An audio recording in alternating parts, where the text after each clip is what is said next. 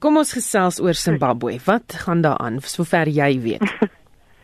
Ja, goed, daar is definitief baie gerugte oor presies waarom uh, president Robert Mugabe klaar blyklik almal nou dink dat hy gister gaan bedank en dit het nou nie gebeur nie.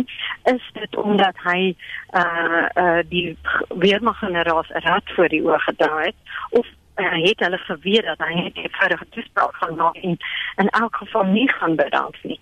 So ons sit in 'n situasie nou van 'n politieke krisis en 'n en 'n leierskapsvakuum omdat uh, Robert Mugabe is nou nog steeds die president, maar um, hy is nie meer uh, hy het nie meer die ondersteuning van sy party nie. Hy het nie die ondersteuning van die weermag nie. Die weermag het tog uh immers die land oorgeneem. So uh, die situasie is eintlik baie kommerwekkend en, en onseker op hierdie oomblik. Nou wat nou volgende? Ja, so ehm um, wat ons nou hoor van Zimbabwe is dat die eh uh, parlement nou ehm um, die uh, prosedure aan die gang gaan sit om hom eh uh, impeachment om hom te laat eh uh, ehm um, herroep.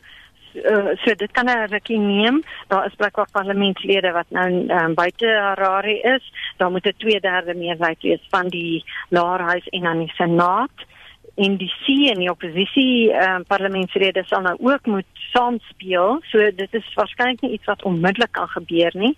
Môre is dan nou 'n groot vergadering van SADC in Angola.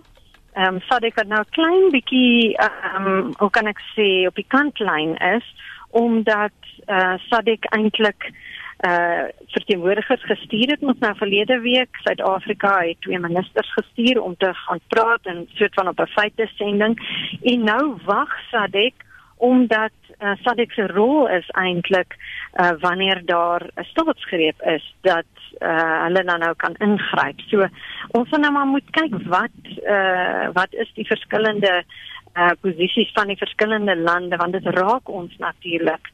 Um uh, absoluut direk wat gebeur in Zimbabwe.